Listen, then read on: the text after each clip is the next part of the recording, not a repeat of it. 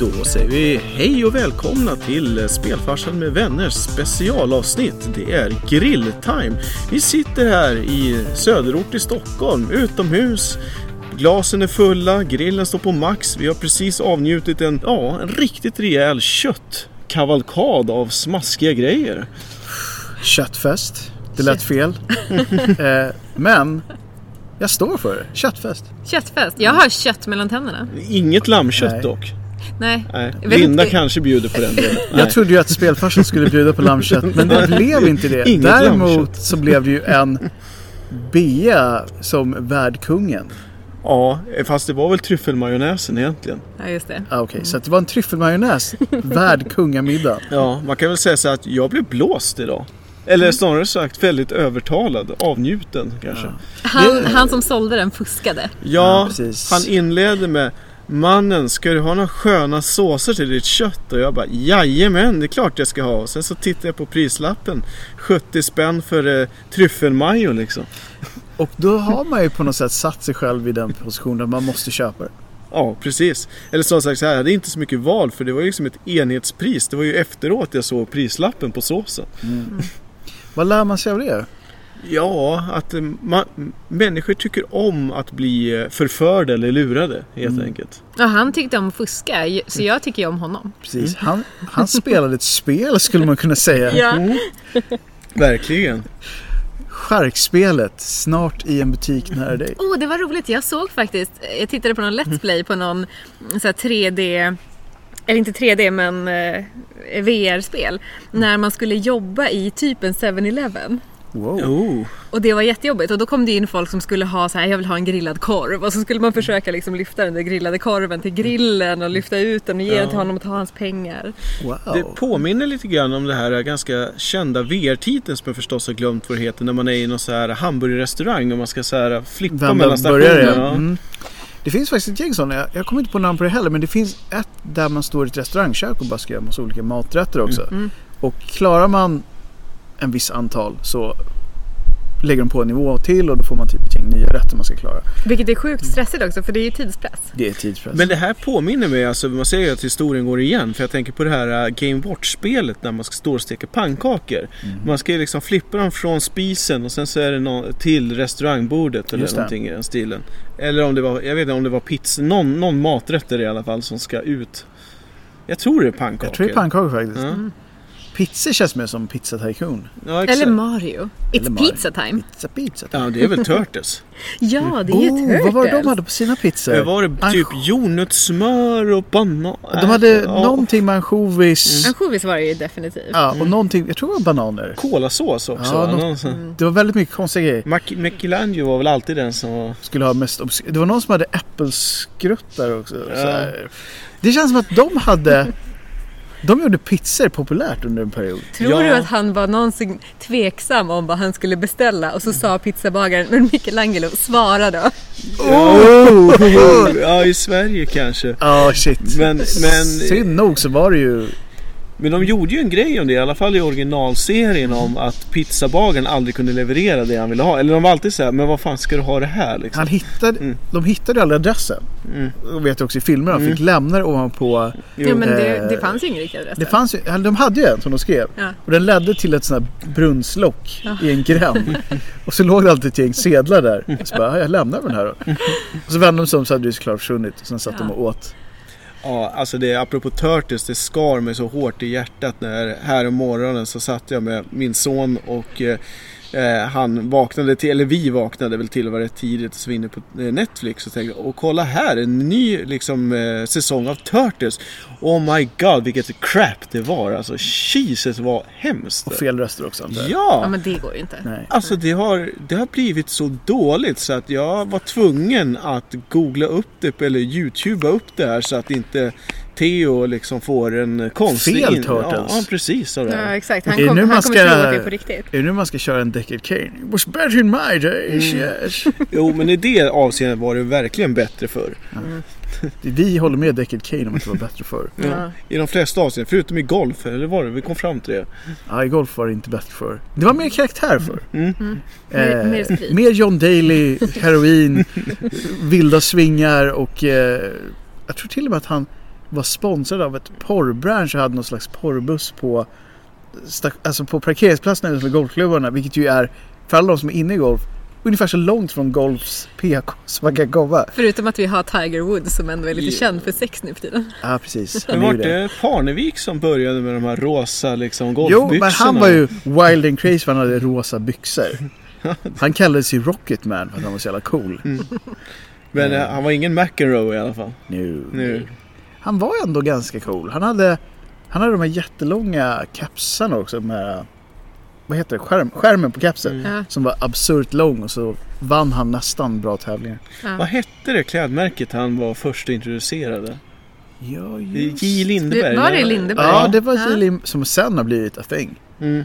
Nu sövt iväg ganska långt. Men det var ju typ Mm. så här, du får gratis kläder och sen så är det vår för alltid typ. Och, Japp. Alltså det var ju någon väldigt så här swaggy deal i början. Ja. Ja, jag kan förstå det. Jag skulle kunna tänka mig att få massa pengar för att vara dålig på golf. Absolut, inga problem. Jag är alltså, med. jag är ju redan dålig på golf så att om jag hade tjänat pengar på det också så hade det varit perfekt. Jag är mest avundsjuk på hans 10 kvadratmeter stora säng alltså. 10 kvadratmeter. Ja. Alltså för det skulle vara så skönt, speciellt när man liksom har små barn att, som eh, vänder sig som helikopter och rullar fram och Mhm. tillbaka och sånt där. Att, då vill man ha de här 10 kvadraten om man ska få sin egen space. Det är bra. Jag visste inte att han hade det. Ja men det var med i den här Parn, du vet den här Parnviks Ja, den serien. Ja. Och jag funderar alltid, hur bäddar man 10 kvadratmeter säng liksom? De har säkert någon Spanish nanny som fixar det där. Jo men det behöver väl fyra eller något om de ska liksom, stå i varsitt hörn eller? Det var, nu har vi ju verkligen iväg nu på Parnevik här, men han, han är säkert en gamer någonstans. Men han gjorde, jag vet att han, när han inte var så bra längre så att han inte kunde vara med på den riktiga touren. Nu är han ju med på seniortouren. Mm. Så lyckades han ju med konststycket att köra ner handen i sin båtmotor. Ja, just det. Ja. Det känns ju så himla Och vanskligt det känns så ens här, man är golfare också så här, som lever på känslan av handlederna. Att då bara, oj min motor stoppar. Jag kör in handen i propellern och känner lite. Det enda som hade varit värre är ju typ om en läkare gör det. En Ja, kirurg. precis. Och sen går och ska operera den. Ja. Alltså jag undrar alltså för att det här var ju väldigt eh, uppmärksammat speciellt i den här uh, reality-serien som gick runt det. Tror du inte det var så här att han gjorde något helt annat idiotiskt men det, det lät mycket bättre om man säger att han stoppade in en båtmotor. Men hur lyckas man slice upp handen på ett annat? I don't know. Han Barfighting, ingen Han aning. försökte öppna tre flaskor med en glasskärva. Ja, nej, ja, i och för sig. Sabrering kanske. Det kan det vara. Han hade en bra flaska champagne och högg sig i handen. Finns det ett sabreringsspel? Jag Så önskar lär dig att sabrera virtuellt. Det är väl med, inte att man får göra det, men det är väl med i eh, Hitman, något Mm. av spelen. Men sabrering, the game. Mm. Det är ändå lite så här. Man skulle kunna spela som olika karaktärer. En samuraj, Mm. någon slags ninja, Edvard Blom självklart. Ja, någon spanjor med så här eh, sabel. Manuel ja. Ja. ja visst. Mm. Eh, en viking med en yxa kanske. Absolut. Eh, man kan köpa en massa skins. Mm. Ja. Ja, det är DLCs. Massa DLCs. Jag tänker alltid på hur man ska exploatera det här på bästa sätt. Vi, så att vi följer upp våra trädklättrarspel med sabrering. Sabrering. The game. Men sen tänkte så här. Vi alldeles nu i dagarna så körde eh, vi Sid Meier's Pirates. Och det är också ett så här. Han sätter ju sitt namn framför alla sina spel. Mm. Tänkte så här, Sid Meier's. Det här, det där var det Mm. SimCity och Pirates och Ja. allt möjligt. Det här skulle kunna vara våran grej. Mm. Spelfarsan. Spelfarsan, sabrering. Och sen spelfarsan, Trädklättring. trädklättring, spelfarsan, fiske. Ja, något med cheerleading tror jag också. Någonting med cheerleading, precis. Jag tror på det här. Vi måste Ehm, bara hitta en indie-studio som förstår hur bra det här kan Ja. bli liksom. Ja, och just det här att spelfarsa som namn står för någonting. När vi var ju ändå på PDX-con, vi hade ju chansen där att kunna pitcha det här liksom. Ja, ehm, vi kanske ska, säga- ska säga det att grundplanen var att vi skulle göra ett litet specialavsnitt av PDX. Ja. Och det kanske fortfarande händer någon gång i framtiden, men då blir det mer att vi minns tillbaka på PDX. Ja, ja. Men vi, men vi pratade ju faktiskt med lite intressant folk där. ja, precis. Eh, Och vi- hade chansen, som du säger, att Mm. pitcha lite. Ja, för det tycker jag att det, det ska jag verkligen ge dem att förut, ja, de riktigt positiva grejerna var att de hade ett väldigt roligt schema med många spännande skojiga föreläsningar. Sen att det Så. var för lite plats för mycket folk och massa annat sånt där. Men det behöver Mm. vi inte gå in på. Nej.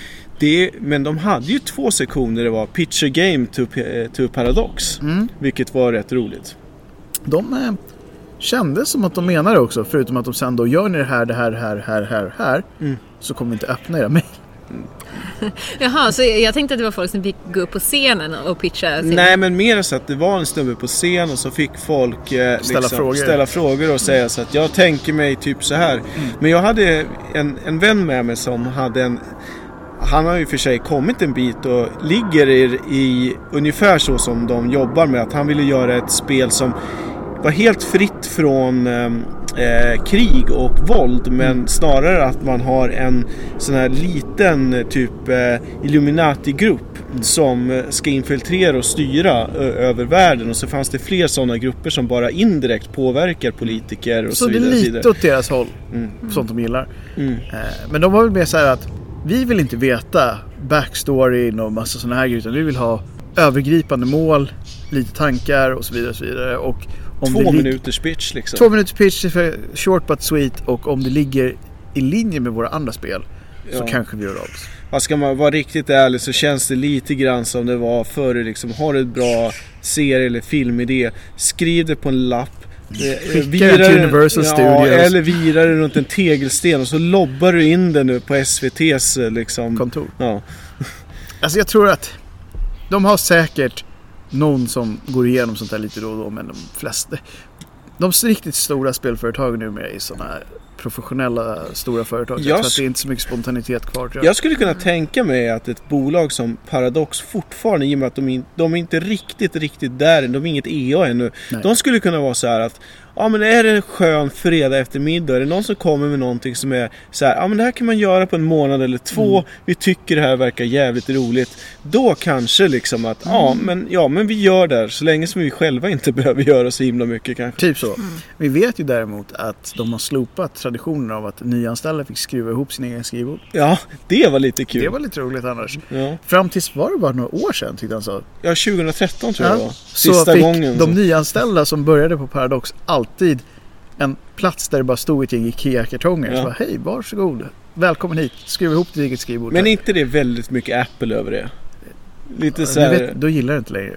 Nej men inte så, men alltså det här liksom att eh, Ja men vi är entreprenörer allihopa, vi Absolut. sitter på eh, vet, du, banankartonger och liksom Jo, det var så här, här, här gör man bara sköna grejer. Men, ja, och som sagt, vi kanske inte ska säga jättemycket om PDX. Det, det var cool grej. Jag blev starstruck också. Lite blev Ja, man ju. det är inte ofta det händer men Nej. vi träffade, vet du, John Wise? John Wise. Eh, som är eh, fadern och sonen höll jag på att säga och alltihopa. Och en helig ande. Ja, Och ut- farbrorn. Ja, utav Shadowrun. Så, Och då pratar vi alltså allt från allt. Pappersrollspelet, böckerna, rubbet, han var på rubbet, med i rubbet. 30 år tror jag. Och han är ju då aktuell med sitt Battletech. Som såg bra ut. Mm, det såg bra ut. Turordningsbaserat mecka kan inte gå fel liksom. Och det är någonting som Paradox stödjer. Plus att jag fick ställa den här frågan, vad fasen hände med Shadowrun 2 till SNES? Och vad sa han? Han sa att det vanliga är att det inte fanns några pengar. Ingen cheddar helt enkelt. Tyvärr var ju det the story of his life kändes det som. Mm. Han har haft många coola idéer som bara inte hade fått pengar. Ja men det, det är som jag säger, det där är precis som Psychonauts. Ett väldigt kritikerrosat spel som tyvärr inte köpte så himla mycket. Det var ju deras familjer som köpte Mm, det. ja. Ja, men det, vad var det han sa om Crusader Kings, han VD för Paradox? 5000 ex eller vad det var det första Oj. de hade skippat. Ja, Och de hade packat alla själva. Alla själva. För att det kostade så mycket att skicka till USA. Det gör ju det, det är helt sjukt. Men man tror inte att det är på den nivån. Nej. Men fick ni någon bra mat där? Ja, Ja. för att knyta ihop det. Jag var i intensiv smärta under hela den eh, sittningen. alltså. Eh, det, det är bara ens kärlek till gaming som gör att jag dök upp dag två kan jag säga. Mhm. För det, it was bad. Mm. Men vi fick en eh, ganska redig hamburgare. Ja, alltså de körde ju det här klassiska i och med att vi ändå var väl en 600 pers eller Ja. någonting sånt. Och då hade man, fick man ju sådana här kuponger. Mm. Och eh, så hade de, jag vet inte riktigt varifrån, men de hade ett skönt gäng som stod och brassade burgare på plats i alla Ja, fall. visst är de det. Och de kunde även svänga ihop laktosfria saker, vilket är Mm. my style. Så att Kudos alltså. jag blev faktiskt lite imponerad över hur de lyckades fixa det.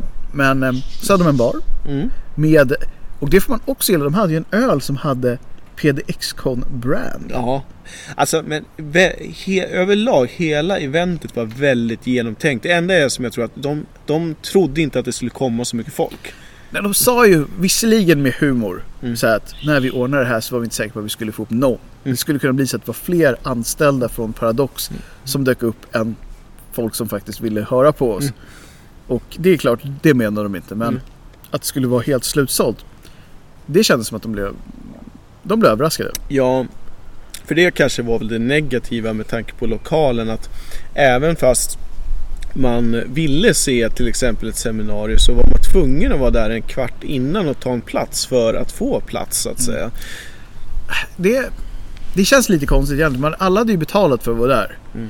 Och man betalade ju ingenting för seminarierna. Men det blev ju indirekt så att man var tvungen att planera in Mm. och stå där och vänta för att få en plats till det man redan hade betalat för. Så att de ska göra det igen nästa år, sa Mm, de. Så ja. att jag hoppas att de väljer ett större ställe att ha det på Jo. än Riksarkivet som var mysig lokal fast inte alls tillräckligt stor. Nej, precis. Jag tycker att det var lite kul innan vi eh, avslutade den biten att eh, de hade ju folk, eh, VDn för ehm, eh, vad heter bolaget som gör eh, City Skylines? Hon, hon finskan var ju där. Ja, precis. Eh, ja, i alla fall. Och sen så hade vi även eh, någon företrädare för Planet Coaster.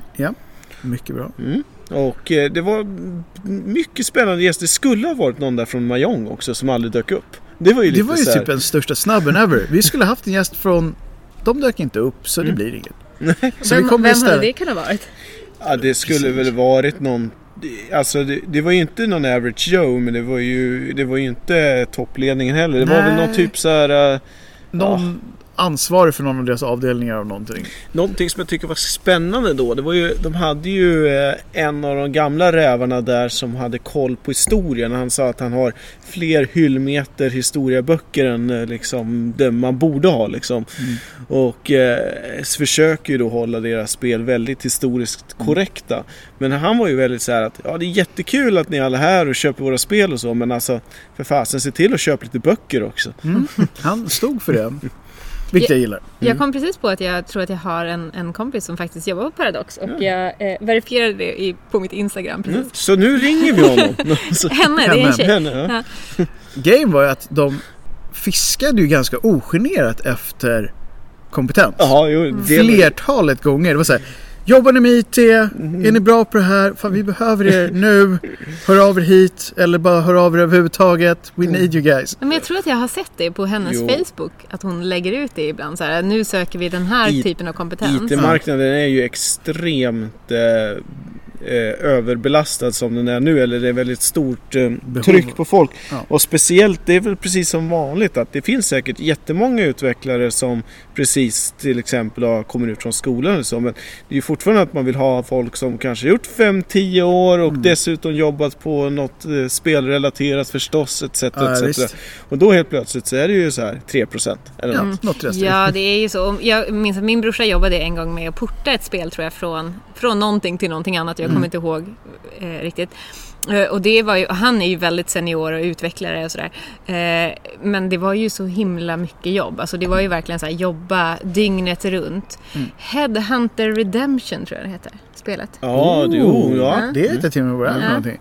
Nej, jag tror att det är som du säger. Det är, spelbranschen är nog egentligen inte en bransch, det är mer en livsstil. ska Precis, det är som ärlig. byråbranschen det är, och, Ja, eller exakt. advokatbranschen. Det är Man samma. gör det för att man vill det på en väldigt hög nivå och man får liksom leva med hur det är att vara i den branschen. Ja.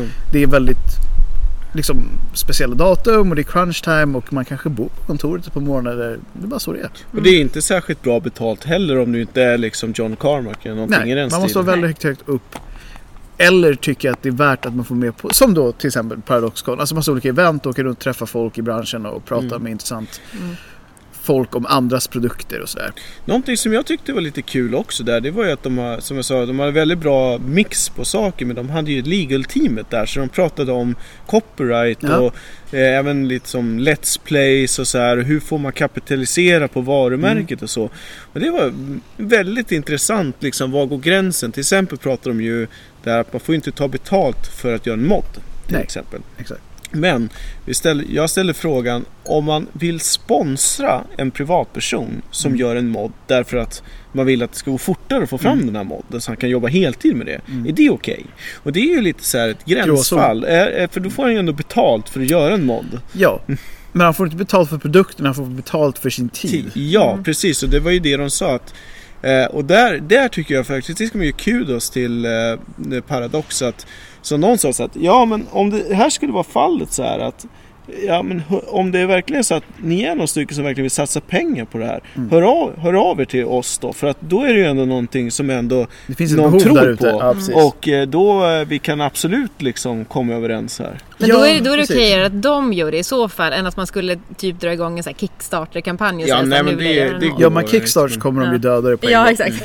Det ligger ju deras Men, intresse. men jag känner, det känns ju spontant som att eh, Paradox Legal Team är betydligt eh, snällare att göra med Nintendos till exempel. Them bastards. Men Nintendo är ju över. Men nu vet vi ju, som sagt, vi pratade ju lite om det på i ett annat program. Eh, men att vissa projekt dödades av Nintendo fick ju sin förklaring på E E3. Ja, precis. Och så gör de ett sämre projekt. Eller vi tror att det är sämre Vi vet ju ingenting om det. Jo, då, vi vet massor. Det kommer absolut inte vara bättre. Jag kommer aldrig erkänna att det är bättre. Inte jag heller. Det här är fördomar. Precis, förtal och fördomar. Men jag står bakom Ja. det 100%. Precis. I vissa fall. Ja. Det kanske kan bli något i alla fall. Jo, Något det kan det säkert. Alltså alla 2D-orienterade, eh, sp- speciellt Metroid, blir, blir nog någonting. Speciellt när de eh, liksom, ja, tar hand om det. Men det är ju, återigen, det är ju inte Retro Studio som ska göra det här. Så att det är frågan Nej. om... Ja. Jag känner mig rädd, utlämnad och eh, orolig. ja.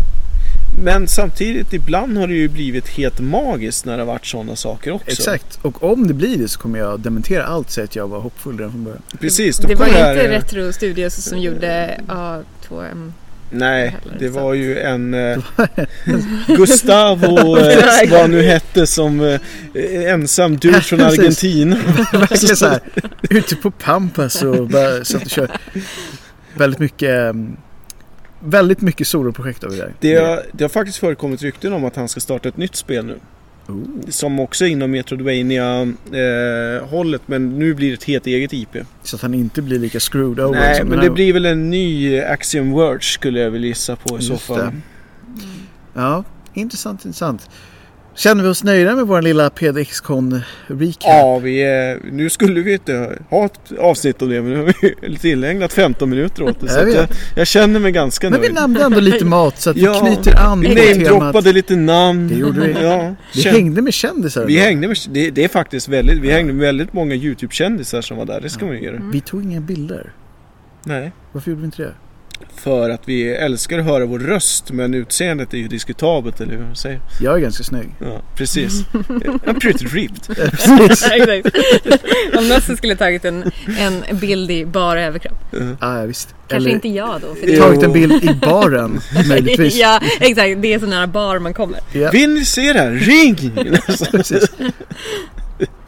Ja. Nej, Ja, det- ja. Skål på det hörni. Ja, skål. men skål. Uh. Mm.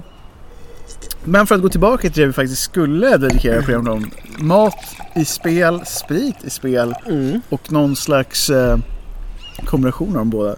Ja, precis. Jag vill ju gärna få med Edvard Blom i ett indieprojekt. Tror du inte? Alltså helt ärligt nu.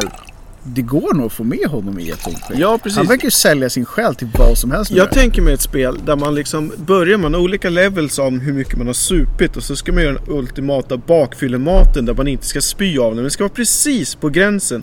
Typ ett halvt kilo ost med slattar och sånt där. Smält i en skål Mycket- kanske. Och sen är först är receptet som man får olika, ju mer man stoppar in i det desto mer XP får man. Men sen så blir det desto svårare blir det att man, massa quicktime event när man ska hålla nere skiten när man äter den. Alltså, jag, jag ser det här framför mig nu för att Det är också man får, det är lite som med SimCity, när de här scenarierna. Mm.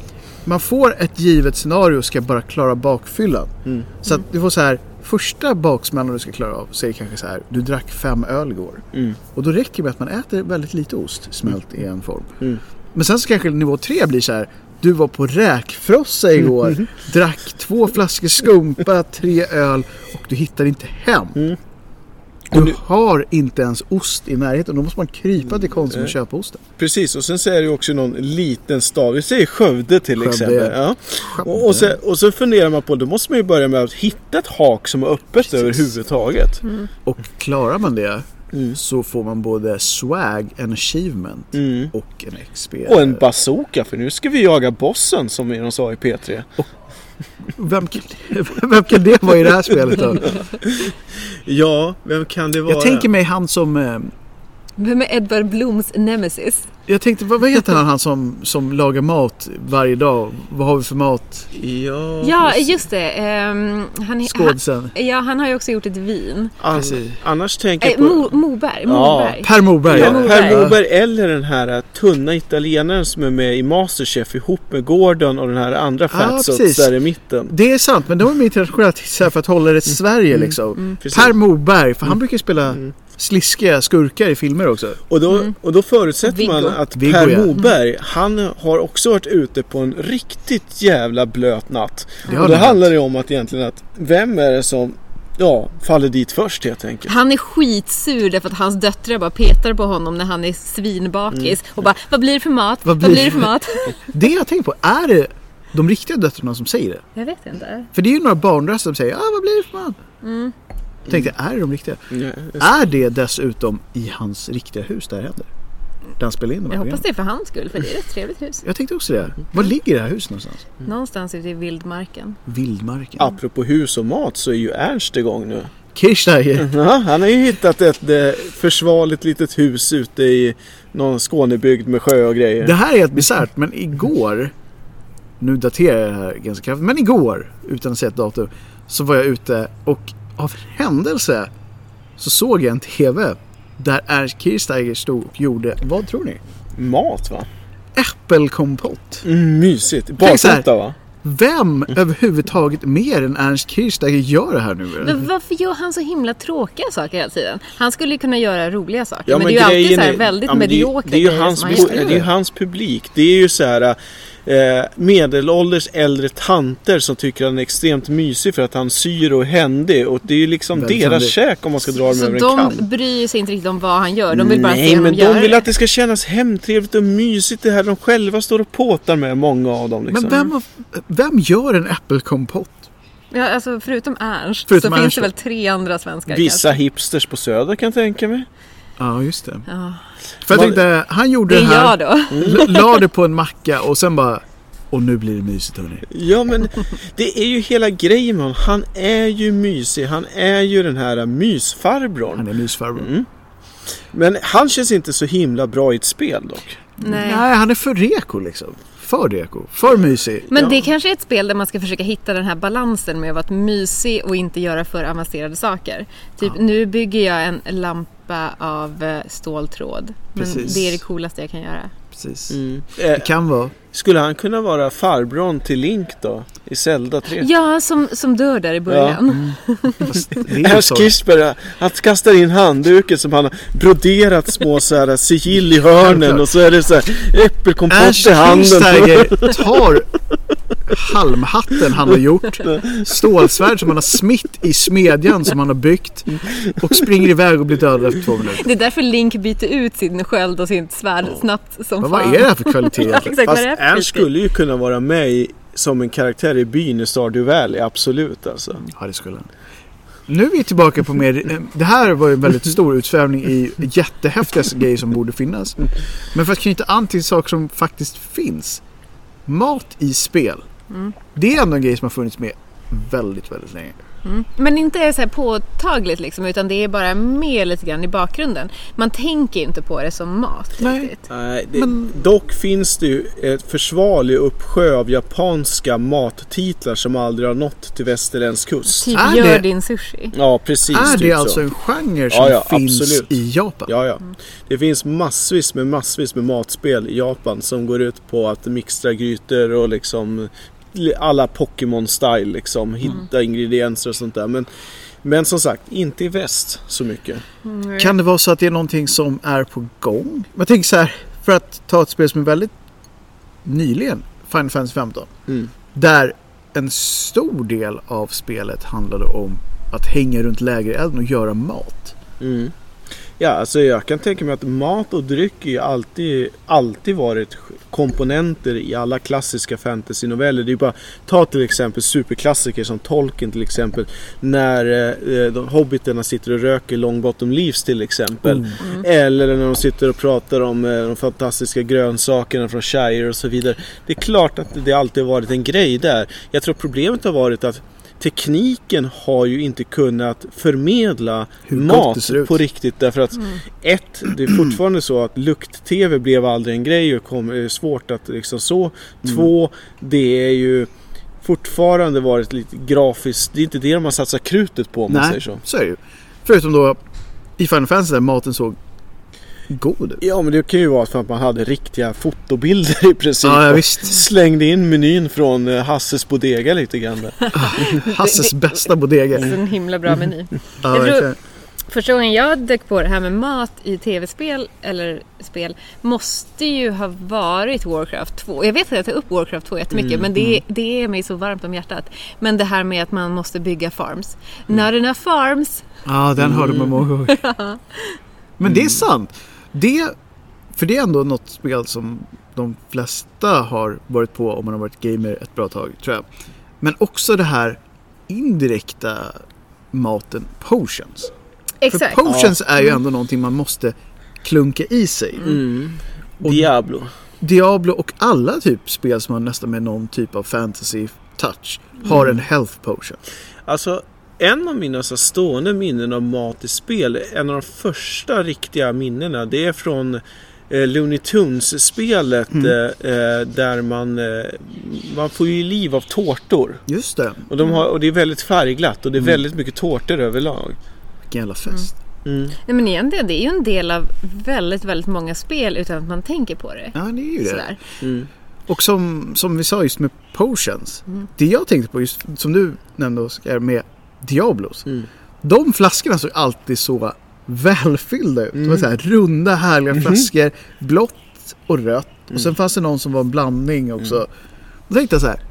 Vad smakar de egentligen? Ja det är ju en mycket bra det är en bra fråga. Med tanke på att det ska vara magiska drycker så måste Ja. det ju vara nästan magiskt gott också. För att det är ju väldigt, om man tittar på, på liksom flaskans storlek. Mm.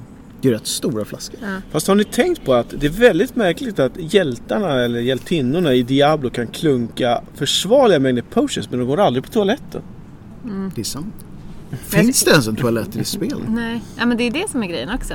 Det, det är lite orealistiskt. Eller är det så att det är så varmt så att de svettas ut alla potions? Fast de är ju magiska så då kanske de inte liksom... Exakt. Ah, det kanske det. bara blir en substans som kroppen bara behöver och använder Det blir en extra muskel. Tror du man kan bli Ja. bakfull på potion?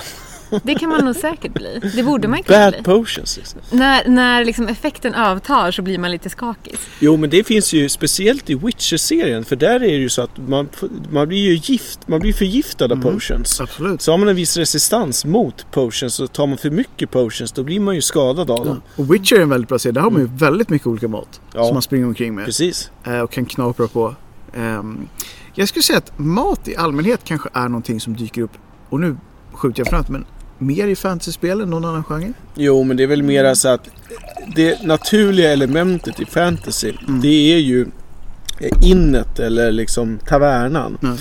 Alla Eller bra, lägerelden ja, liksom. alla bra rollspel startar där och Exakt. kommer alltid göra. Och då blir det naturligt att det är ju mat som är där som man pratar om. Plus Ja. att eh, det där har ju också hängt med att man sitter runt lägerelden. Från till exempel alla fantasy MMORPGs har ju någon vari- variant av cooking. Man sitter Ja. och lagar mat för att boosta abilities av olika varianter. Just det. Och det är ju även ett väldigt för, vanligt förekommande historia i de flesta RPG överlag skulle jag vilja säga. Och det är ju en kvarleva från de riktiga pappersrollspelen. För som du säger, det började nästan alltid i ett in. Mm. Man var alltid runt någon jävla lägereld vid något Mm. tillfälle. Det skulle lagas kött liksom. Ja. ja, jag kommer ihåg mitt senaste eh, Drakar och Demoner-äventyr och nu Mm. pratar vi lätt 15 år sedan i alla fall. Jag har alltid varit en sån där som eh, tycker om eh, liksom intriger och dialog. Så jag, jag hade skapat en riktigt nersupen dvärg som Oh. var rätt grisk av sig och inte riktigt gillade folk. Känns Så att det startade ju med en härlig barfight det första som händer för att han kom i luven med ägaren där. Ännu mer rimligt. Och eh, det där är ju också en tradition som har fallit bort lite. Vart tog de här härliga salongsbarslagsmålen vägen? Witcher. Ja, Där Visst. har man ju till och med i första spelet, fall, jag har inte kört det sista Mm. skam nog med tanke på att Mm. de hade Blood and Wine som Mm. låter väldigt mycket Ja, wine. mm. Men där, i första spelet så kan man ju faktiskt slå folk på käften i innet mm. och tjäna pengar på det i barfights. ja. Där det är liksom bare knuckle boxing i barmiljö. För annars, det var ju där jag hade ytterligare en spelidé vi skulle pitcha. Barfights. Men det det finns. finns väl, Finns det måste ju säkert. finns i Sims. Sims ja. Mm. Äter man där? I Sims äter man ju, man lagar ju mat, eh, man beställer ju pizza. Mm. Och det finns ju också en bar eller någon sån här utelivsexpansion när man faktiskt är ute. Och då tror jag att man också har barfights. Ah, intressant. Som sagt, jag har aldrig spelat Sims så mycket men det låter ju mer och mer på allt som nämns i olika program som att det var rätt så mycket man kunde göra med spelet. Man kan göra jättemycket. Grejen är att jag har, jag har spelat det ganska mycket men inte spelat det för jag tyckte det var kul att bygga hus. Mm. Eh, så jag spelade inte egentligen det så mycket men jag köpte ju alla de här extensionsen för att man fick grejer med det också. Just det. Mm. Men Så- där, det var ju definitivt. Och, och jag menar, det var ju så att du kunde, du kunde stå och steka på dina köttbullar och så började hela huset brinna. Wow. Jo. Ja, men det, de här Sims-liren är ju fascinerande för de var ju vä- väldigt tidiga med att ta reality-såpan digitalt eller Mm. in i spelvärlden. Mm. Så att det var ju lite så här, ja vi tar Vita Lögner till exempel. Oh. Fast eh, de kom in i, I, I spelvärlden. Ja. Vita Jul- lögner, fanns det inget, inget bättre exempel? Vita lögner var ju ändå en serie som hände jag tänkte dag. säga Tre Kronor först men det är inte var- heller så mycket bättre. Precis, och det var ändå på veckobasis liksom. Ja. Sims kanske man spelade varje dag. Rederiet. Där har du ett bra spel. Där var ju, Rederiet the där var ju. Per alltså. Morberg med som Viggo också. ja, exakt. Han var en slemmig karaktär där också. Mm, ja, men en ganska bra karaktär. Var det någon av Ja. er apropå simspel som spelade Sim Tower? Ja. Mm. Det var ju intressant. Hissbyggarspel i princip. Ja, gud vad härligt det var. Och så skulle man alltid se till att det började brinna någonstans. Nu är det väldigt så här inte okej ämne just nu i de här dagarna. Men rent allmänt så har vi pratat om det här tidigare. Man vill ju alltid på något sätt försöka se till vad händer om jag gör det här. Ja. Det är någon fascinerad gen som bara, jag, Jag tänker jag mig vill se vad som händer. Liksom. North Korean the Game. Man har en stor knapp liksom. Exakt. Så kan man det, är, ringa- Åh, det är som den här Ren Stimpy, eller vad heter de? Ren and Stimpy. Ren and Stimpy. Mm. När man hade den stora, eh, stora knappen som man inte fick trycka på. Och han var tvungen jag? att trycka på den. Eller som i Lost där han behöver slå in den här koden. Var tolfte timme. Mm. Ja, just det. Men i Sims var det ju så, det var ju också kul för att man kunde ju liksom få en, eh, sin person att eh, gå på toaletten. Och precis när han var på toaletten då pausade man och så byggde man bort dörren. Vad Så han var helt instängd på toaletten. Blev det panik då? Ja, Ja, det blev eller panik. ta bort stegen till poolen. Ja, ja det, Så var fast då i dog de poolen. ju. Då Ja men det de. där är också intressant. Det har vi pratat om flera gånger förut. Att kan man, kom, kan man överhuvudtaget åstadkomma Kaos. massdigitalt eh, självmord. Då gör man det. Då gör man det. Man lägger en liten save, sen ser man vad som händer, sen laddar man om och Det, ingen start, behöver veta det startade någonting. med Lemlings. Det bara, Det Ja, var exakt. ett nice känsla att se dem bara hoppa ner i eldhavet. Men Liksom. skulle man det kunna är kalla det för en Lemmyside? Det är en Lemmiside definitivt. Lemmy. Nej men så var det ju verkligen, man kom ju en ganska bra bit, man hade ett rätt bra game going. Mm. Men sen var man tvungen på något sätt att branscha ut och ta, ta det här steget som man vet är förbjudet. Man måste göra det för att Ja. det är så här. Men det, det är ju inte för inte som att Rocket Star är en av världens största spel, eh, ja, byråer då, eller Nej, leverantörer med tanke på att Alltså kan man få folk att trigga den här lilla mm, Ja, vad ska, det är ju någon konstig primär nerfödd gen av Ja. att man vill göra elaka saker utan att behöva ta ansvar för Jag det. tror att det är just det där att i vanliga fall så är ju 99,9% personer aldrig Mm. benägna att göra de här grejerna. Mm. Så det är en förtryckt grej. Och de flesta personer vill ju inte skada andra i riktiga livet. Men man vill ändå liksom se hur det skulle blivit om man hade gjort det. Mm. Och har man då möjligheten i ett spel Mm. så tror jag nog ändå de flesta gör det. Däremot så är det intressant att man inte har tagit det här längre. För jag tänker mig att det skulle vara intressant med ett spel som bygger på så här katastrofscenarier. Till exempel man initierar en, eh, inte vet jag, en terrorattack Mm. eller någonting annat och sen så är det mer som eh, Pandemic eller något att Mm. man ska organisera teamet för att ta reda på den här skiten till Mm. exempel eller liknande. Att, mer att man får faktiskt på andra sidan man måste ta konsekvenserna av Ja. det här eh, joggingteamet man körde ihjäl Mm. i eh, GTA till exempel. Mm. Ett spel som, för att komma tillbaka till mattemat, där man kunde göra vissa terrorgrejer fast man langade mat, det var ju Pizza Tycoon. Oh ja, det, det är ett fantastiskt spel.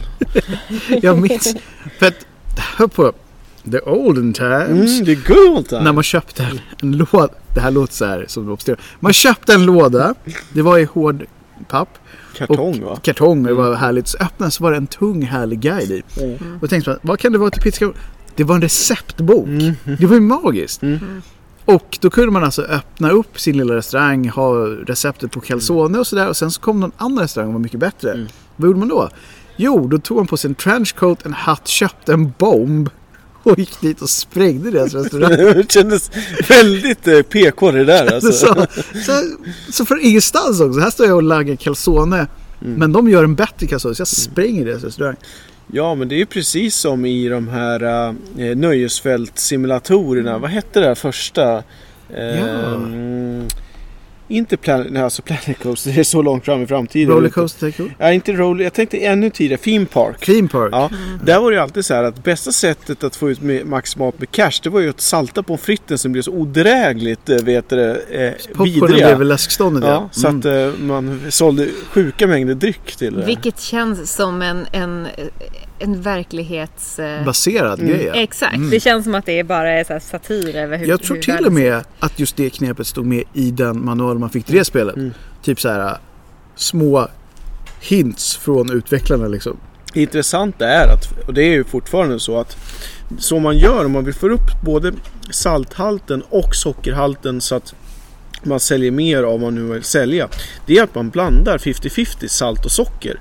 Då kan du i princip göra det hur vidrigt som helst för det kommer att cancellera varandra. Men poängen är att om du bara kan få någon stackare att äta det här så kommer han äta en försvarlig mängd både socker och salt vilket kommer att han kommer Trigga ex- alla synapser i hjärnan. Exakt. Så för det första kommer jag tycka att det här var helt fantastiskt vad det nu var han åt. japp, japp. Men sen kommer jag bli sugna på andra grejer efteråt. Eller så, så blir han bara... Det är så mycket salt så man måste gå och dricka massa öl eller någonting. Och sen är det socker så att man blir beroende av det. Så man måste gå tillbaka. Efter man har druckit like några that. öl så måste Men jag man ta... brukar fortfarande tänka på, det här är alltså 20 år sedan det hände. Att det var något SVT-avsnitt när det var någon sån här äh, snusförnuftig husmoder som sa att det är 120 sockerbitar i en och en halv liter cola. Jag, tror att, jag tror att hon överdrev. Jag tror att det kanske var en och annan sockerbit för mycket. där. Ja, jo, men ändå Ja. så att det är väl... Ja, Det är väldigt mycket socker. Men Cola Zero har ju alltså dödat hela den här husmors... eh, Ja, fast samtidigt så beror på i vilket syfte. Ja, alltså rent socker absolut. Men problemet är i och med att det fortfarande är sötat så det triggar alla substanser som gör att du är lika högt på att till exempel om du vill börja äta nyttigare så är det helt bortkastat att dricka även Cola Zero. Därför att du får alla de här kickarna som gör att du blir sugen på alla de här andra grejerna. Fast grejen är att, jag, jag hör vad du säger, men, men egentligen så bygger det på disciplin, som Cartman skulle säga. Mm. Du säger att drar du i dig fyra liter Cola Zero och inte äter något annat Mm. som är onyttigt, så går det ju.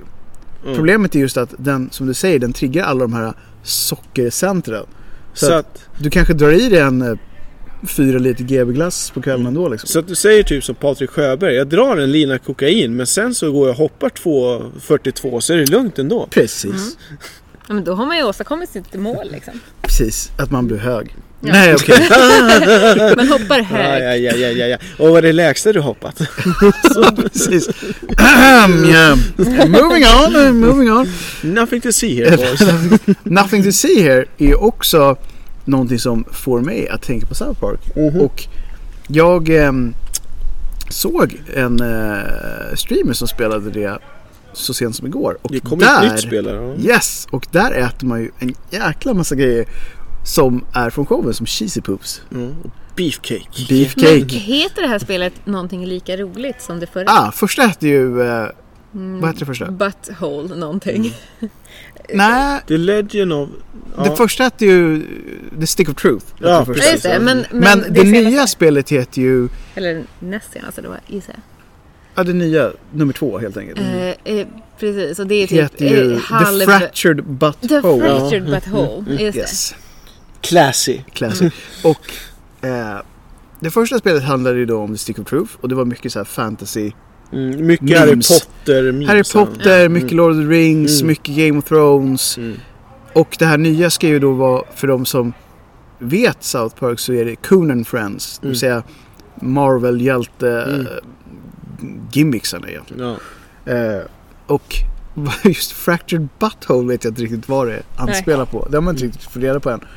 Men det verkar ganska coolt. Och det första var ju helt fantastiskt. Att kunna liksom ha ett quest som hette Unfriend Al Gore on Facebook. det är så här, har man med en sån så vet man att det är ett bra spel. Ja men det var ju som eh, när South Park gjorde det här um, World of Warcraft avsnittet så hade Ah. de ju med, vad heter det, Sword of Truth eller Yes. vad, ja. Eh, Blizzard eh, för en gångs skull faktiskt kan man väl säga att Blizzard hoppade ju på det här tåget direkt. Så de introducerade ju Sword, Sword of, of Truth, i Som aldrig har funnits egentligen. en annan rolig anekdot om eh, World of Warcraft som kanske inte alla känner till det är att jag tror att det är Wrath of the Lich King så kan man, kommer man till ett ställe där det finns fyra stycken sköldpaddor. Ni kan ju gissa på vad de heter. Kan det vara Turtles kanske? Ja, Leonardo, Donatello, Michelangelo, Raphael. så svara för fasen, var inte så jävla avig. Så att eh, det är kul tycker jag när, När folk hakar på. Ja men speciellt när stora varumärken kan gå lite utanför sig själva. Som inte behöver egentligen. Exakt och bara liksom Fan, det här var ju lite roligt. Nu, vi Faktiskt. behöver inte stämma varandra jämt utan vi kan faktiskt Ibland ja. finns det lite humor kvar. Det är jättekul när det finns lite kärlek däremellan. För det är ju like faktiskt, det blir ju episkt bra ibland. Det blir ju faktiskt det. Ja. Ja, vad ska vi säga mer om mat då? Mm. Alltså jag älskar ju att fiska spel men det är ju egentligen din avdelning. Ja, exakt. That's Men mine. Det känns som en, en, en klassisk... eh, Jag fick faktiskt av en vän ett tips om Linda, vad var det jag sa? Dynamite Just det! Fishing. Dynamite.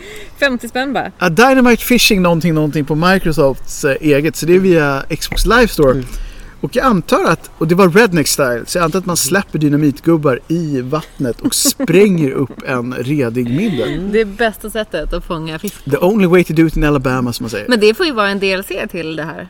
jag känner det. Ja, eller en expansion, Expansion, till att vi tar in de här gänget från eh, Discovery som var det där Moonshine-gänget. Just Moonshiners. det! Ja, ja, Mm. precis. Där har vi Precis, ju en de bra är ute och. Dynamite Fishing det känns som en naturlig Det enda vi måste ha då är lite mer rednecks-namn. Och Edvard Blom.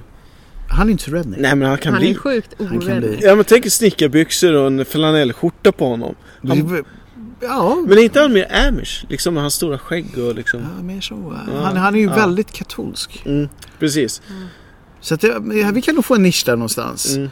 För att jag minns att de här som, nu vet inte jag alls om någonting i Moonshiners är på riktigt eller om det bara är så här Det staged känns inte på alltihopa. riktigt. Det känns, ju, det, det känns ju också som ett Duck-Hunt-spel. Ja, men det känns, det måste ju vara uppgjort så här att de, Ja. de har bara "Ah, den här bilen, det är bra om man ska dra ifrån snuten. Och så råkar polisen bara komma upp och det är så här Tjena Benny, du har inte bränt hemma igen? Jo, jo, ja okej då. Mm. Ja, men, nej men det är klart som fan att... Det, det känns väldigt Ni- skriptat.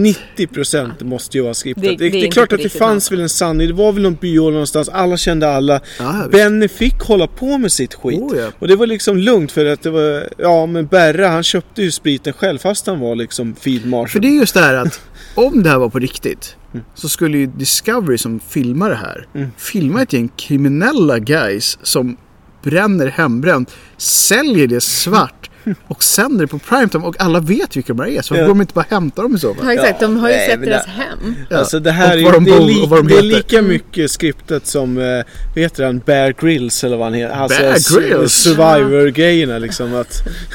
Han... Är eh, det bara råkar hitta den här stora eh, björnen som Men jag ska där brottas har vi med, ju liksom. egentligen den perfekta. Varför finns inte Bear Grylls the Game? Ja, exakt, precis. det borde ju ja, finnas. Jo, men survival-spel finns ju. Jo, fast just med Bear Grylls. Ja, varför gör inte han ett spel? Han om någon borde göra ett spel. Vi ringer Bear Grylls. Han äter ju dessutom vidriga saker i varenda avsnitt.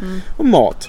Där har vi det. ja, jag menar det. Jo. Ja, Han det har ätit perfekt. typ Oh, this, this deer has only been dead for 200 days. Men I jag, can tänk, still eat some of this. men jag tänkte det i sann The tail is liksom, still good. Exakt. eh, Awesome Games Stunt Quick-anda som är igång nu. Att vi kan ju köra det som jag brukar säga runt i soffan här. Vad är det vidrigaste ni har ätit? Det vidrigaste. Eller i alla fall från ett perspektiv av andra människor skulle uppfattas som det vidrigaste i alla fall. Då. Jag tror inte jag äter så mycket vidriga saker rent så. Äckliga saker, fine. Men vidriga Ja, saker. men hitta något måste du ju ha. Låt mig... Jo! Inälvor från små fåglar i Frankrike. Det låter spännande. Vad kallades det då? Ah, vad Det lät, det lät som någonting väldigt gott antar jag på franska. Ja, det var någonting petit, någonting, någonting. Och så var det deras namn på typ gråsparv. Mm. För att fågel kan jag, men just gråsparv. Var det någon levervariant alltså? Nej, det var inälvorna. Ja, ja men eh, ja. Mm. ja Så men att hel- Lever är väl någon Så form magen? av... Ja, maginnehållet på en liten fågel. Alltså de Som här, sö- de här söta grejerna som är i parken och pickar Som smulor. Haggins då? Den söta grejen som precis var här framför oss och åt en mask. Exakt, Ja. sådana. Ja. Och när jag fick in den maten så anade man ju oro. För den såg ju konstig ut. Mm. Så, här, så jag frågade, vad är det här? Så fick man då reda på det. Och så var det så här, ja. Vad smakar det då? Eh, Var Det var- ostrons-style på det hela? det Det var ganska- stämmigt då? ty tyvärr så smakade det lite som, jag säger det det smakade lite som kyckling. Det säger de om allting. Allt Ja. från råtta till orm liksom. Japp. Och människa. Ja. Och, men, precis. Men det var ju lite så. Men, men jag kände mig inte så här jättenöjd efteråt. Mm. Att jag hade ätit upp den här stackars gråsparven. Du då Linda? Vad har du? Jag tror nog att det äckligaste, alltså på pappret, är ju när jag eh, och min pappa igen, det känns som att jag bara har en kompis som pratar om och det är min Det pappa. är Molgan och Det är, det är det... Molgan som, som fyller rollen som pappa här. när, när han eh, fyllde 60 så åkte vi till eh, Japan. Eh, och så var vi i Osaka någon blöt kväll där vi hade varit på en, en klubb som heter Rock Rock. Eh, och så gick vi vidare, skulle gå tillbaka till hotellet och vi bara fan vi kanske ska ta en till öl. Och så trillade vi in på något ställe som var supertrevligt. Ingen kunde engelska så att ingen, vi kunde inte kommunicera på något sätt men vi försökte ändå Ja. eh, med appar och grejer. Eh, så började de servera lite smårätter sådär och bara men testa det här, testa det här. Och sen helt plötsligt kom det in en klump som såg ut som en typ vit hjärna ungefär. Och vi bara, mm, undrar vad det här är för någonting. Och så bara, men vi var ju ändå väldigt tacksamma för att Nej, de bjöd ju liksom. De tyck, ja exakt, och de tyckte det var jättekul att introducera oss för det här. Japp. Och vi fick en till öl och sådär. Eh, och så eh, åt vi upp det och sen så visade det sig då att det var torsksperma. Spermasäckar från torsk. Oh. Oh, so very Så, Japanese. så det var en facial alltså? exakt, rakt ner i, i svalget. Har, alltså, har inte japanerna alltid en konstig genre för allt sånt där? Så ni kanske gjorde en någonting, någonting japansk. Jo, Vi blev säkert filmade också Ja, ja, och finns säkert. på någon slags... eh, Youtube-kanal. Ja, en exakt. facial alltså. exakt. Ja. Fast. Fast, eh, ja exakt, det, blev, det var ingenting som hamnade i ansiktet så. Nej, Nej det, alltså det var ju ansiktet på ett eller annat sätt gissar jag men Ja. kanske inte Då riktigt undrar så. man ju så här, för att japaner är oftast de som har kommit på de här grejerna. Ja. Är det att man har haft för mycket tid? Eller är det det att japaner är inte som vi andra? Eller, de, de är kanske bara lite mer experimentella. Alltså de jag tror att det är en blandning av att det kommer av eh, kultur av att man inte ska försaka någonting utan man Vilket ska är jättebra. Man ska liksom, precis som samerna eller eskimåerna, man, man ska ta reda på det man äter. Men sen så kommer det från den andra, att man har ju varit sånt kontrollerat folk under så många år. Att- Och fortfarande är. Ja, att eh, nu, det är fortfarande den här 60-talsrevolutionen som ändå pågår någonstans. Det ser man ju på Visual K eller på Oh ja. vad man nu än liksom cosplay etc. etc. Att man vill liksom, mm, ja men man vill göra revolt helt enkelt. Mm. Fast man gör det aldrig offentligt. Nej men det är på ett hövligt sätt. Ja. Ja. Japaner är ju fortfarande världens mest reko människor när man träffar dem. Ja, De har ju till och med ett språk där det är inbyggt att du kan skälla ut någon efter noter men du har ingen rätt att bli arg för de säger det på så hövligt sätt. Exakt. Mm. Ja. Det är lite imponerande på sätt och vis. Men så att den kvar ändå in på listan över saker som kanske man inte hade tänkt äta. Nej, jag hade, jag hade aldrig tänkt mig att jag skulle äta det någon gång i mitt liv. Nej. Men nu har jag gjort det. Och var det gott då? Det var faktiskt ganska gott. Vilket ju också är så här, damn it, ja, they exakt. had a point. Ja, men precis. De har ju, det, det är ju en delikatess antar jag av en anledning. Mm. Oskar? Jag skulle säga att jag har två varianter. Det ena är surval på Island. Alltså det är fermenterad val. Ungefär som surströmming fast Så sunkig val. det eller getpenis. Mm, det är Den, också, men då, eh, då är det ju där uppe, det är någonting med så här genitalier, Ja. att äta det på något sätt. Ja men eh, eh, vasselsyrad baggpung brukar min pappa ta upp som det mest vidriga han har ätit. I alla fall på pappret. Men, men alltså surval, det är ju en sån där klassisk grej. Det kan du gå in på vilken bättre restaurang som helst på Island och säga Och att ja, för det är en, det är en nationalrätt Ja. liksom. Och det är ah, vad ska man säga? Det, det är som sill fast lite liksom... Eh, Mindre bra. Ja, mindre bra. Det, kör, Men- det är väldigt mycket konservburk över det hela. Luktar det lika illa som surströmming? Ja, inte riktigt därför att de har... Eh, de lägger det i... Alltså det är precis som i surströmming. De, de, det, det läggs i mjölk på något sätt innan. Och så serveras det på knäckemacka. Så att det är inte alls är den stinkbomben som surströmming är. Men jag kan tänka mig att det luktar ungefär lika mycket. Getpenisen, det var lite mer exotiskt. Det här är alltså många år sedan. Min mamma hade ett projekt i Tanzania. Mm. Så att vi var ute i bushen där de var, ja, alltså skänkte pengar för att bygga skolor och sånt där. Mm. Och eh, då, alltså, det, nu vet jag inte hur det är idag, men det var fortfarande så att man hade en väldigt konstig mix att samtidigt som man hade då TV och parabol och liksom MTV. Och nu pratar vi, vi bodde ju ändå hos någon som ändå hade ganska gott om pengar. Så vi, vi hade det enda huset i det här lilla samhället som hade liksom elektri- ja, nästan elektricitet och speciellt alltså vatten, alltså riktigt Just det. vattentoalett. Det var ju väldigt så alltså. Det här var verkligen så ute i ingenstans. Borsen. Och, men samtidigt så hade de kvar det här av lite mystik och liksom ålderdom, ja, spåkvinnan och allt det där. Så man var väldigt så här, det var ju fortfarande så att det var bara 10-15 år sedan som man slutade med att man eh, offrade till exempel om tvillingar föddes. Det var inget bra. Man satte ut bebisar på Wow. Eh, ja, alltså på klippkan. Alltså det var verkligen... Det var hardcore på riktigt det verkligen. Och eh, då var det ju ändå en sväng av det här med att äta grejer. Typ Mm. noshörningshorn och hela den här... Ja, det gör de eh, tyvärr fortfarande. alltså, så att, så här, Nu ska jag inte liksom försöka måla upp det här som att det var Indiana Jones på något sätt. Men det var lite åt Mm. det stilen liksom. Och då var det ju den här eh, liksom farbrorn i byn som skulle bjuda de här spännande gästerna Mm. på liksom Det bästa. Ungefär så. Och, och, och jag kan säga att det var mycket genitaler på den menyn. Damn. Ja. Varför liksom? Jag vet inte, jag tror att det är mycket av det här. För det, förstås var det ju så att det var ju bara män som intog den här Självklart. Det var ju så att min mor var alltså på nåder inkluderad i, Mm. eller i, det var ju fler kvinnor med i gänget. Men jag tror att de såg ju oss som eh, speciella lite utom så att man var inte riktigt gänget. Va? Nej, Utan man, nej, nej. De, de gjorde undantag. Men Mm. det var så att vi män, vi satt åt en sektion. Ja. Kvinnorna satt i köket, var väldigt så Mm. sådär. Och eh, jag tror att det var liksom, ja men du vet potens och hela den här bängen. Alltså grejen man, man frikopplar här så bara. Hörni. Tisdag, vi samlar grabbarna och äter lite getpenis. Det låter inte bra. Det låter inte bra, men det kanske är som du säger, lite så här potens. Jag tänker, det kanske är lite som zombies som äter hjärna. Mm. För att Nej, det gör de. då Vad är de, meningen med det? Jag vet inte, det kanske är att de ska bli lite smartare. Eller så kanske de bara är jävligt sugen på hjärna, jag vet inte. För det är ändå en intressant grej just med mat. Mm. De här zombiespelen. Varför, vad fick... Var kommer brains ifrån?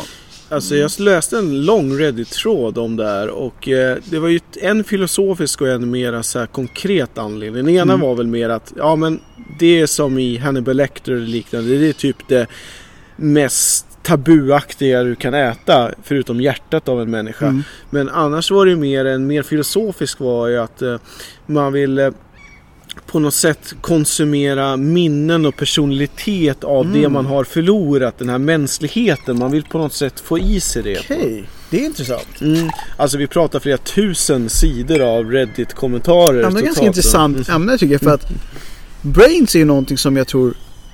Om man säger så här, zombies till gemene man. Mm. Vad äter en zombie? Mm. Så tror jag 9 av 10 skulle säga brains. Och på engelska också, de skulle säga brains. Brains, Ja. precis. För det är det man Mm. alltid stöter på. Och det är ju intressant, vad är det det här kommer ifrån? Någonstans, alltså zombiekulturen myntades ju någon gång på 60-70-talet där någonstans. Och då är det ju, hur blev det så liksom? Hur blev det så? Mm. Men det fanns ju ett fantastiskt DLC till första, vad heter det, Gearbox-spelet där man springer omkring på olika planeter. Borderlands. Ja. Första Borderlands som hette typ Dr. Neds Zombie Island. Mm.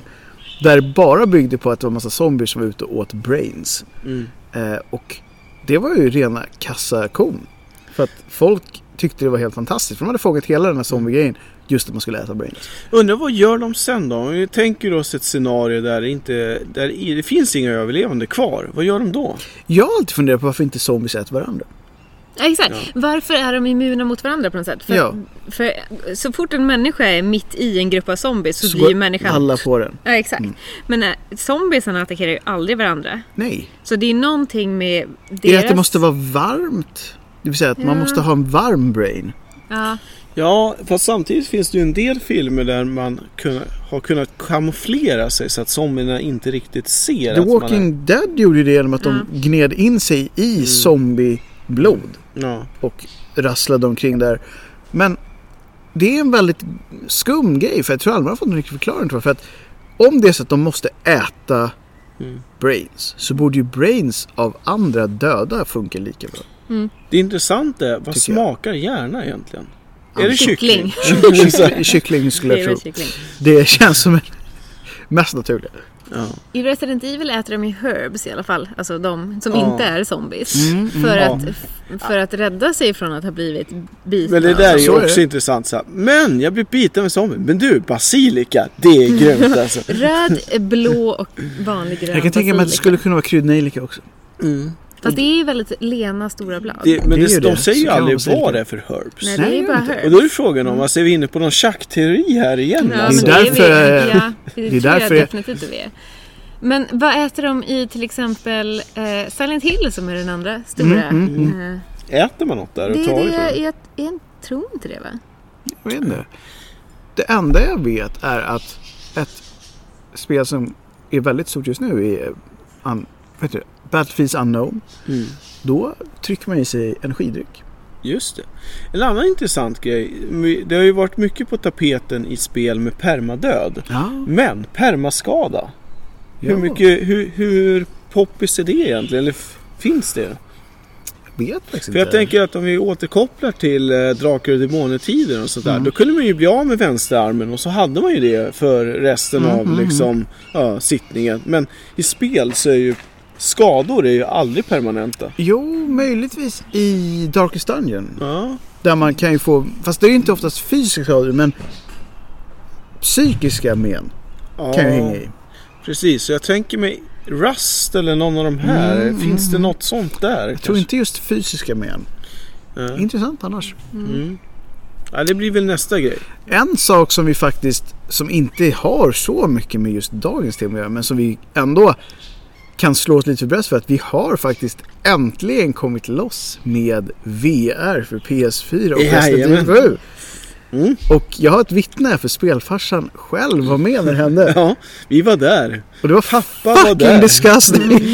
Ja, fast samtidigt är det så här att eh, Alltså snacka om att det är fysisk upplevelse för att eh, man klarar inte mer än 5-6 minuter i början på grund av att inte egentligen av spelet men mer av att den fysiska påträngande grejen. Mm. Eh, jag tror att det är lättare för en person som har glasögon permanent därför att en annan är ju lite ovan av det här att liksom ha någonting på näsan överlag.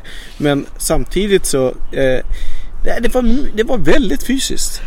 Väldigt fysiskt. Alltså grejen är att vi kan vara helt ärliga. Vi, vi startade upp det här och tänkte så här. Hur läskigt kan det vara? Ja, hur, ja precis. Hur Ehm. jobbigt kan det här vara på en nivå? Ungefär 20 minuter senare så hade vi sagt okej det var ganska läskigt. Ehm, 20 det- minuter höll ni ändå. Det tycker jag är Ja men det gjorde, imponerande. det gjorde vi nog ändå. Ehm, Alltså det var... Jag har som sagt inte spelat så mycket VR-spel men det här var skillnaden mellan att se den icke VR-versionen Mm. och VR-versionen var enorm. Ja, ett par saker som jag tycker var intressant. Det är så här. Hjärnan är ju inställd på ett sätt att ändå hur det förändras. För att i början så är det så att man tycker att alla karaktärer är väldigt korta. Därför att eh, du sitter ju ner. Ja. Men Du står du, du står upp i spelet. Mm. Därför får du en känsla av att alla är väldigt korta Japp. från start. Men det där, alltså alla de här sakerna försvinner. Det likadant att i början så känner du att ja, men det känns som ett cyklop därför du har liksom, du ser det svarta på sidorna och sånt Ja. där.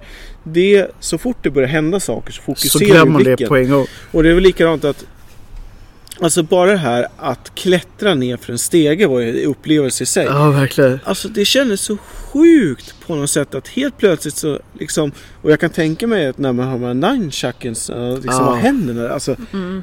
God damn! Ja, det alltså. var... Shit got scary. Ja. En sån liten grej som man vänder sig om och så flyger ett gäng fåglar emot Ja. en. Oh my god! Man är extremt ovan med det här att Ja. man kan liksom titta runt. Ja, man vänder sig om så är det grejer där. Ja.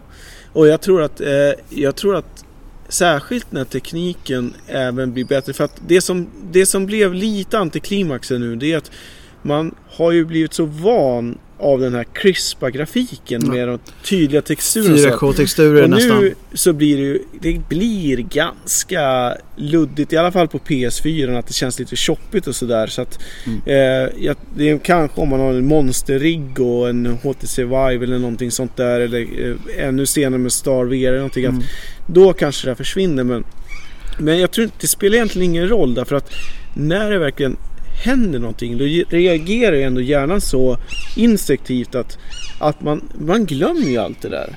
Ja, du var ju ändå med på det hemska det som hände, det som han spelade. Mm. Där den här killen blir dödad i källaren i början. Ja. Och det måste ju ändå varit så här. När det väl händer så händer det. Ja, för att det är fascinerande för att hjärnan stänger ut alla de här äh, man, man vet ju ändå för att när man sätter på sig hjälmen, i alla fall så som det är nu, Mm. då, då har man alla, det, det, visst, om man verkligen tittar ner då ser man att det slinker ju ändå in lite ljus, Japp. du har det här att det känns som ett, lite som en kikare, Yep. du har texturer, du har höjdskillnader och alla möjliga konstiga saker. Men när det verkligen händer, då är det precis som den här reptilhjärnan, det säger BAM! Och så bara... Nu så händer det. det. Du verkligen så här. Och sen, och sen höll man på, vad, hur, vad, vad händer nu? Vad, Exakt. Vad, och flyktbeteendet kickar ju in Ja, direkt. på en gång. Ja. Det är läskigt det där alltså. Ja. För just det här, som du säger. Men det där var ju inte så snyggt. Det där känns inte rimligt. Ah shit, den kommer! Det känns ganska rimligt liksom. Så att, ja, nej, det här kan bli hur häftigt som helst.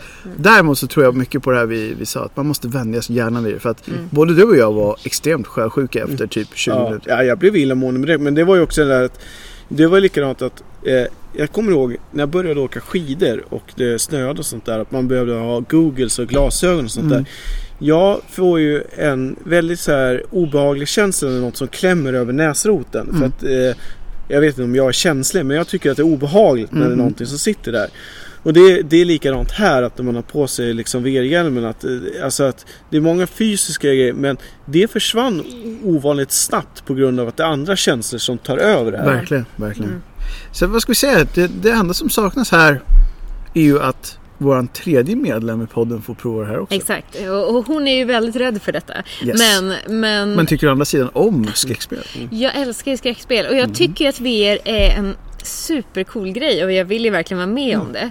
Mm. Eh, Men eh, ja, jag är nervös för det men jag ser fram emot det. Någonting Ja, vi kan ja. prova allihop och utvärdera att eh, under hösten 2017 så finns det ett bolag, så jag tror de heter Entrance Planet eller Planet Entrance, någon, etc, etc. De är uppköpta utav Starbreeze i alla fall. Oh, okej. Och de ska öppna Nordens första VR-center i Ah. Stockholm i höst. Det händer. Och eh, då är det mer den här Planetary Exploration så att det är i princip att man antar att det är lite som Cosmonova fast VR-upplevelse på någon nivå. Eh, så det kan bli väldigt spännande. Jag tycker vi säger så här att det händer någon gång. Precis. Du har ju utlovat att du ska åka i den här babygåstolen och liksom... Ja det har jag gjort. Om, om den finns så absolut.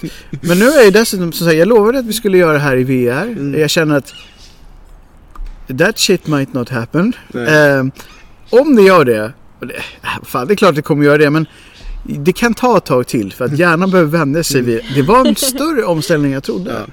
Det påverkar mycket saker. Mm. Men Det var också lite jobbigt att höra att det var så. För jag Ja. tänkte så att nej, hur, hur svårt de det överdriver det. Nej, Nej, inte på någon nivå alls alltså.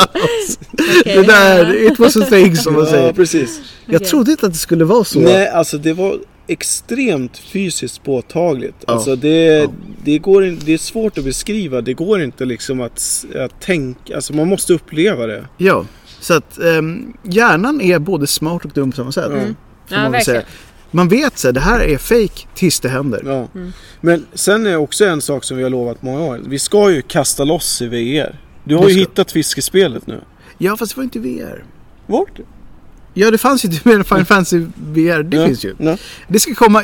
Det är också väldigt bisarrt. Just Final Fantasy 15 har då VR-fiske. ja, Men när det kommer så absolut. Då, Då ska ska jag vi- kasta loss. precis. Vi ska rigga upp en eh, liten, vad heter de här uh, sunkiga fiskebåtarna? Inte Lobster utan en, inte, Omega? Nej, ja. Tror det. En Vega Mm. 08 eller Och så sånt saltbris på det. Jag står Exakt. där. Och en eh, fläkt. Och sen Ja. baxar vi in i ditt vardagsrum. Absolut. Så Jag känner lite sjötång bara i facet. Alltså, Och Edvard Blom står och smörjar på lite makrill där i bakgrunden liksom. för min Edvard Blom så blir det bara magiskt. Jag skulle vilja ha ett så, vet, så här, äh, du vet de här soffprogrammen där de står och lagar mat bredvid. Mm. Jag tänker mig ett sånt spel fast eller mer så här, man sitter och har ett VR-lir men någon står och, slänger på burgare i bakgrunden eller någonting i den stilen. Och så bara glider man över där och bara som i Nyhetsmorgon eller Mm, någonting mm, sånt. mm. Vad, vad lagar vi här då? Vad har vi glaset? Och så, och så Ja, bara men- glider man tillbaka till gamingen. Jag tycker det låter mycket bra. Mm. Mycket bra för Sverige, mycket bra för gaming. Mm. Helt enkelt. Ja, vad ska vi säga? Har vi börjat närma oss? Slutet här, ja. Vi är, Det börjar bli tomt i glasen. Ja, Det, det börjar börjar skymma. mörkna. Ja. Mitt glas i alla fall. Ja. Ja, ja, det börjar bli dunkelt som de säger va? precis. Midsommar har varit. Fyrverkerierna låter. Ja, det- Precis, eller är det ryssen som attackerar? Det, kan, vara lite det, både det är vilket som. oavsett vilket. Det är sommar och, och livet är en fest. Exakt. Precis, håll med om det folk och fä. Ja. Ja. Men med det så tänker jag att vi säger tack och hej för er ikväll och eh, ja, på återhörande helt enkelt. Ja. Skål och hej. Skål och hej! Skål och hej! Hej hej!